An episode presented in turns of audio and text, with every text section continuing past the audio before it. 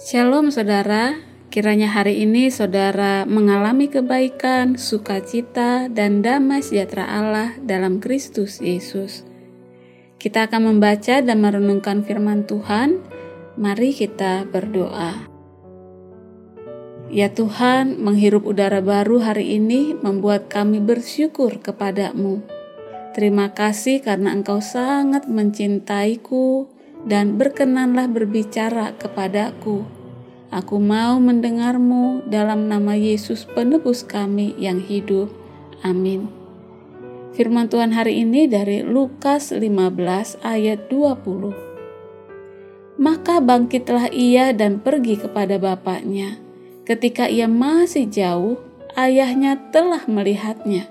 Lalu tergeraklah hatinya oleh belas kasihan ayahnya itu berlari mendapatkan dia, lalu merangkul dan mencium dia.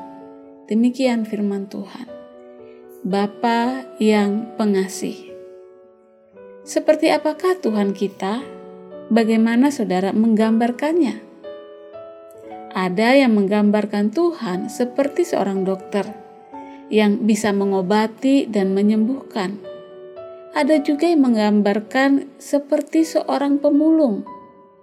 Kita yang bagikan sampah, jijik, dan tak berguna karena dosa, tapi dipulung, dipungut, dan dijadikan anaknya, dan lain sebagainya.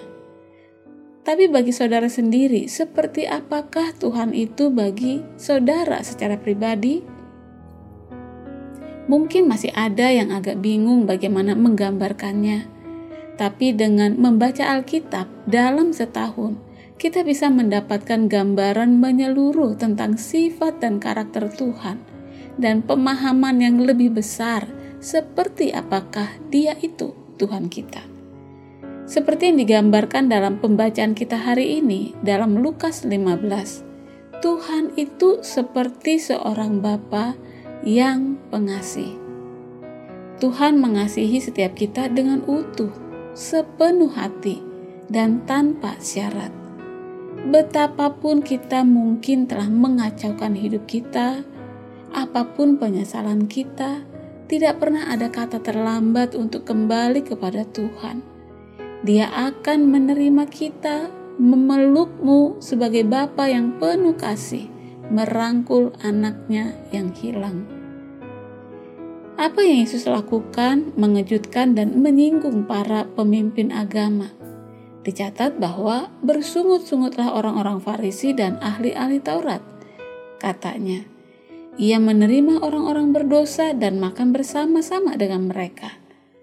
Yang kemudian Yesus balas pikiran dan prasangka salah mereka dengan tiga perumpamaan yang menunjukkan bahwa Tuhan itu sangat peduli terhadap mereka yang terhilang perumpamaan menemukan domba yang hilang, menemukan dirham yang hilang, dan menemukan kembali anak yang hilang. Hal ini menggambarkan bagaimana besarnya sukacita mendapatkan kembali. Terjadi sukacita surgawi yang besar ketika orang berdosa yang digambarkan perumpamaan itu ditemukan. Saudara, mungkin keadaan kita saat ini seperti perumpamaan yang Yesus katakan seperti anak bungsu yang terhilang, atau seperti si sulung yang kelihatannya baik-baik saja, rajin bekerja bagi si bapak, tapi hatinya pahit juga ketika melihat betapa bapak sangat sayang kepada si bungsu.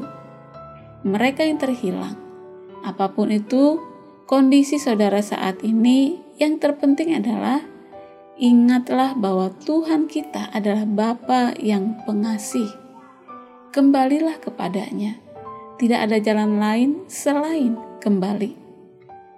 Kembali kepada Tuhan bukanlah tindakan yang tidak masuk akal. Justru ini kebalikannya. Tidak rasional kalau dalam keadaan terhilang, tapi kita kekeh ngotot tidak mau kembali kepada Tuhan. Kita harus pulang dan mengakui dosa-dosa kita Bapa, aku telah berdosa terhadap sorga dan terhadap Bapa. Kita perlu mengambil langkah iman untuk bangkit dan kembali kepada Bapa. Kasih Tuhan kita sungguh besar, luar biasa, dan melampaui apa pun yang dapat kita bayangkan. Yang seharusnya kita menerima kutukan, tapi justru kita menerima kelegaan, pengampunan, dan cinta. Dari kisah perumpamaan hari ini, kita mendapatkan gambaran sekilas tentang seperti apa Tuhan kita dan betapa Dia mencintai setiap kita. Kerajaan surga yang penuh sukacita seperti pesta. Ini adalah kebalikan dari apa yang dipikirkan banyak orang tentang Tuhan. Saudara, kasih Allah juga tersedia bagimu hari ini. Kembalilah kepadanya turutlah merasakan sukacitanya yang begitu besar. Rayakanlah cinta kasih Bapa kita kepada kita. Amin.